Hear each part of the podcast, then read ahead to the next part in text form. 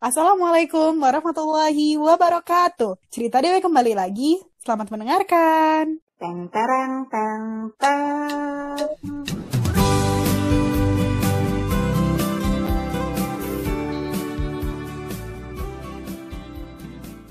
Teringat dulu waktu masa-masa TPA waktu kecil itu tuh selalu setiap pulang ngaji, eh, setiap pulang itu pasti disuruh baca uh, Quran surah Al-Asr dulu wal asri innal insana gitu kan dulu ya.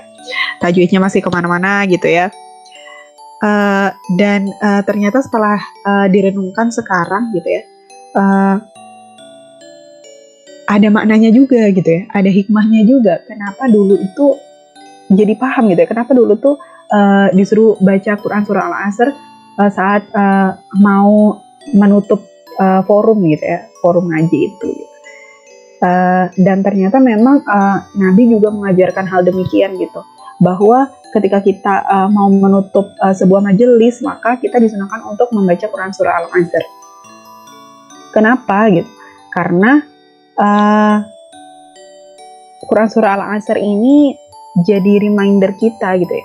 Harapannya bisa jadi reminder kita bahwa bahwa sebenarnya uh, banyak waktu-waktu kita yang uh, kita habiskan uh, dalam hal yang sia-sia gitu. Jadi uh, misal kita ngumpul-ngumpul nih di luar misalnya di luar dari uh, ngaji gitu. Bahkan mungkin pada saat uh, ngaji pun masih ada aja gitu ya uh, obrolannya ke mana-mana kayak gitu. Apalagi sekarang uh, misalnya masa-masa uh, atau zaman-zamannya uh, gitu ya ngerumpi online gitu ya karena kan mungkin uh, udah jarang gitu ngumpul-ngumpul di kafe atau nongkrong di burjo gitu kan udah jarang ya. Di mungkin uh, lebih banyaknya ngerumpi online by WA atau by Google Meet kayak gitu. Uh, mungkin uh, bisa gitu ya ini jadi inspirasi gitu ya bisa uh, untuk menutup forum-forum uh, online tersebut dengan uh, membaca Quran surah Al-Asr gitu biar sama-sama uh, ingat gitu ya uh, kalau misalnya banyak hal sia-sia mungkin yang kita lakukan dalam uh, sebuah obrolan tersebut. Nah, uh, di luar dari itu semua, uh, kita ingat lagi yuk sama-sama Quran Surah Al-Azhar. Uh, ini surahnya pendek banget ya. Ini anak kecil juga cepat banget hafalnya.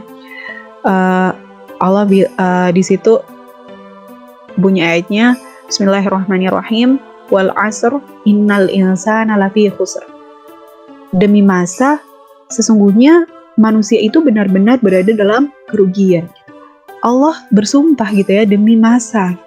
Berarti uh, ketika kalau kata guru guru guruku ya, uh, ketika Allah itu sudah menyebutkan demi masa, berarti Allah ini sedang mengabarkan sebuah kabar yang besar gitu. Karena ini masa gitu ya, demi masa. Uh, bahwasanya uh, Allah bilang gitu bahwa orang-orang banyak menghabiskan hidupnya, banyak menghabiskan pemikirannya, banyak menghabiskan tenaganya, bahkan perasaannya itu untuk hal yang sia-sia gitu. Dan uh, innal insana lafi khusr. Semuanya manusia itu benar-benar dalam kerugian gitu. Kita menjadi seorang manusia itu rugi. Dengan kita kita dengan menjadi manusia aja nih ya kita udah rugi kenapa? Karena uh, pada dasarnya nih uh, kita sebagai manusia itu kan hobinya apa sih? Ngeluh ya kan? Uh, dikasih ujian dikit ngeluh, dikasih uh, repot dikit ngeluh kayak gitu ya. Suka ngedumel, terus ya manusia itu emang lemah, lemah banget gitu. Nggak tahu apa-apa, sehingga kalau misalnya kita cuma mengandalkan diri kita uh, sebagai manusia gitu ya, pasti kita akan benar-benar merugi kayak gitu. Terus Allah lanjutkan nih di ayat selanjutnya. Illalladzina amanu wa amirus solihati wa tawasaw bil wa tawasaw. Jadi uh, Allah bilang kecuali orang-orang yang beriman dan mengerjakan kebajikan gitu, serta saling menasihati dalam kebenaran dan saling menasehati untuk kesabaran. Sesungguhnya manusia itu benar-benar dalam kerugian kecuali siapa? Kecuali orang-orang yang beriman gitu dan mengejar mengerjakan uh, amal kebajikan. Masya Allah gitu. Uh, ketika jadi itu kan tadi ya uh, udah aku sebutin kalau misalnya pada dasarnya memang manusia itu uh, adalah orang yang selalu ngedumel gitu ya. Ngedumel ngomel-ngomel kayak gitu. Ya, kayak mama gitu ya. Tapi nggak cuma mama sih sebenarnya yang ngomel-ngomel ya. Semua manusia gitu ya. Uh, pada dasarnya tuh hobinya menggerutu gitu ya. Uh, kurang bersyukur kayak gitu. Dan uh, apa sebenarnya uh, hal ini gitu ya terjadi atau semua hal itu akan menjadi sebuah keluh kesah ketika kita itu jauh dari Allah gitu. Jadi kayak seolah-olah tuh enggak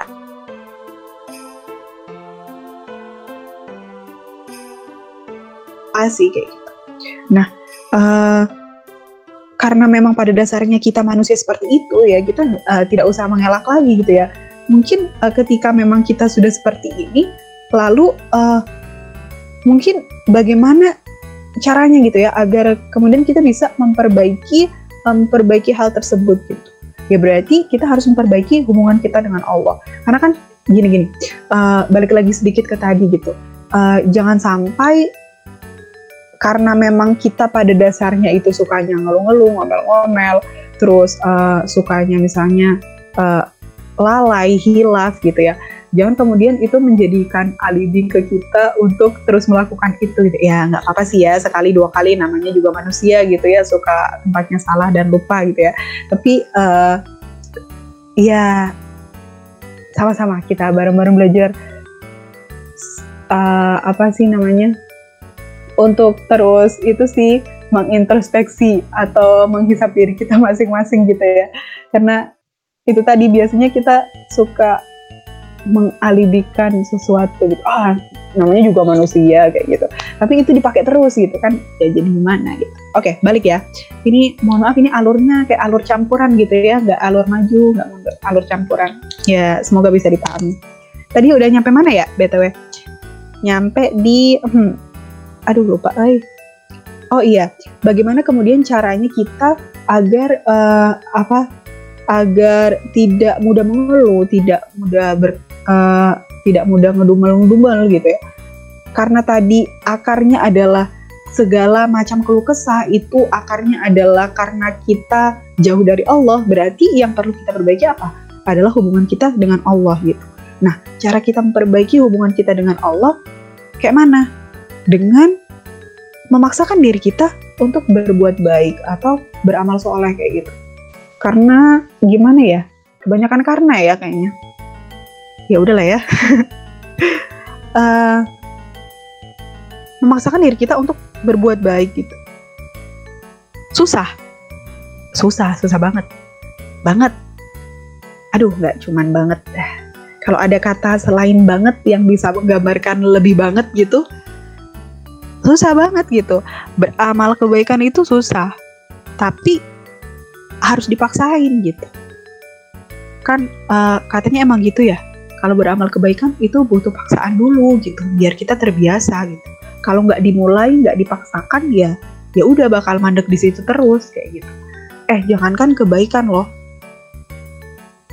Kita ngelakuin kemaksiatan aja. Ya pengalaman pribadi juga sih. Uh, karena nggak mungkin ya kita nggak pernah ngelakuin maksiat ya. Pengalaman pribadi juga nih kita ngelakuin maksiat aja itu butuh effort juga loh. Butuh butuh paksaan gitu ngelakuin maksiat itu capek juga gitu ya. Uh, butuh energi juga kayak gitu. Lah kalau ngelakuin uh, keburukan aja kita butuh energi apalagi ngelakuin kebaikan kayak gitu. Harus double double energinya kayak gitu. Dan ini sih mungkin uh, apa bedanya gitu ya. Bedanya ketika uh, energi yang kita keluarkan untuk sebuah keburukan dengan energi yang kita keluarkan untuk sebuah kebaikan gitu. Kalau kita, energi kita keluarkan untuk sebuah maksiat, untuk sebuah uh, keburukan, itu kita habis ngelakuin capek kan. Nah capeknya itu akan lebih capek gitu. Capeknya itu akan numpuk-numpuk terus gitu. Kita udah effort nih, maksain diri kan buat ngelakuin kemaksiatan gitu. Setelah melakukan maksiat kita capek lagi gitu. Capek, capek terus, capeknya bertumpuk-tumpuk gitu akan nambah capek gitu setelah melakukan kemaksiatan, melakukan keburukan, itu pasti akan nambah capek. Pengalaman pribadi kayak gitu. Tapi kalau kita ngelakuin kebaikan gitu, kita capek nih maksain diri kita di awal gitu.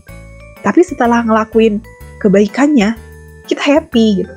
Misal nih, kita uh, berat banget gitu ya, mau tilawah, ap apalagi di Ramadan nih, berat banget gitu, maksain tilawah lebih dari sejus gitu ya. Karena kalau cuma sehari sejus, kalau ahwat eh ah kalau cewek itu pasti nggak bakalan hatam gitu ya. Jadi harus di di apa usahain lebih dari sejus gitu. Maksain diri buat sehari tilawah lebih dari sejus itu berat banget. Capek rasanya gitu ya berat. Aduh aus lagi kan seret gitu kan. Ngaji banyak-banyak gitu seret gitu. Jadi butuh butuh tenaga gitu kan. Tapi setelah kita tilawah misalnya habis dua jus gitu happy gitu, lega rasanya, seneng, damai hati kayak gitu. Ya itu karena sebuah kebaikan itu akan menimbulkan ketenangan kayak gitu. Sedangkan sebuah kemaksiatan gitu, ya akan menimbulkan kegelisahan. Gitu. Kalau amal solih itu capek, tapi capeknya itu berkualitas gitu capeknya bikin kita happy setelahnya. Dan kalau kita misalnya pengen hidup kita lebih berkualitas kayak gitu ya, hidup kita lebih terarah, maka ya salah satu caranya adalah teman gitu sih, pengalaman pribadi banget. Kalau nggak ada teman-teman yang ngingetin, wah nggak tau lah, udah nyampe mana aku sekarang. Paling nggak ngisi podcast ini guys, asli lah. Nggak nggak punya channel berdua nih sama dia nggak bakalan diajak sama dia kayak gitu. Buat uh, ada podcast cerita dewe paling dia bikin channel uh, cerita dia sendiri gitu. Nggak ngajakin Willis kayak gitu. Jadi alhamdulillah gitu ya dengan teman-teman yang ada di sekeliling kita itu sangat membantu banget gitu. Untuk kemudian uh, kita apa ya meningkatkan kehidupan kita menjadi lebih berkualitas gitu. Utamanya dalam hal spiritual gitu ya. Gitu sih sharing hari ini gitu. Dan oh iya, tadi kan di ayat ketiga ya, uh, apa selain berbuat kebaikan juga kita saling menasehati dalam uh, apa kebenaran dan kesabaran kayak gitu ya. Yaitu tadi sih fungsinya teman, lingkungan itu untuk ya menasehati dalam kebaikan, terus juga kesabaran kayak gitu sabar sabar tahan. Nggak boleh ngatain tenang kita pasti bisa kayak gitu. Jadi uh, pas kita lagi emosi-emosi ada yang nahan-nahan gitu. Walaupun kadang ngomporin juga gitu. Tapi ya nggak apa-apa gitu. ada saat di mana kita butuh dikomporin ada saat di mana kita butuh uh, disabarin kayak gitu. Gitu deh teman-teman.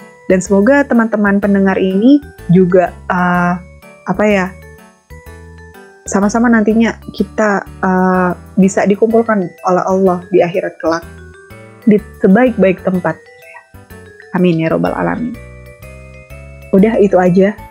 Sampai jumpa di podcast hari selanjutnya.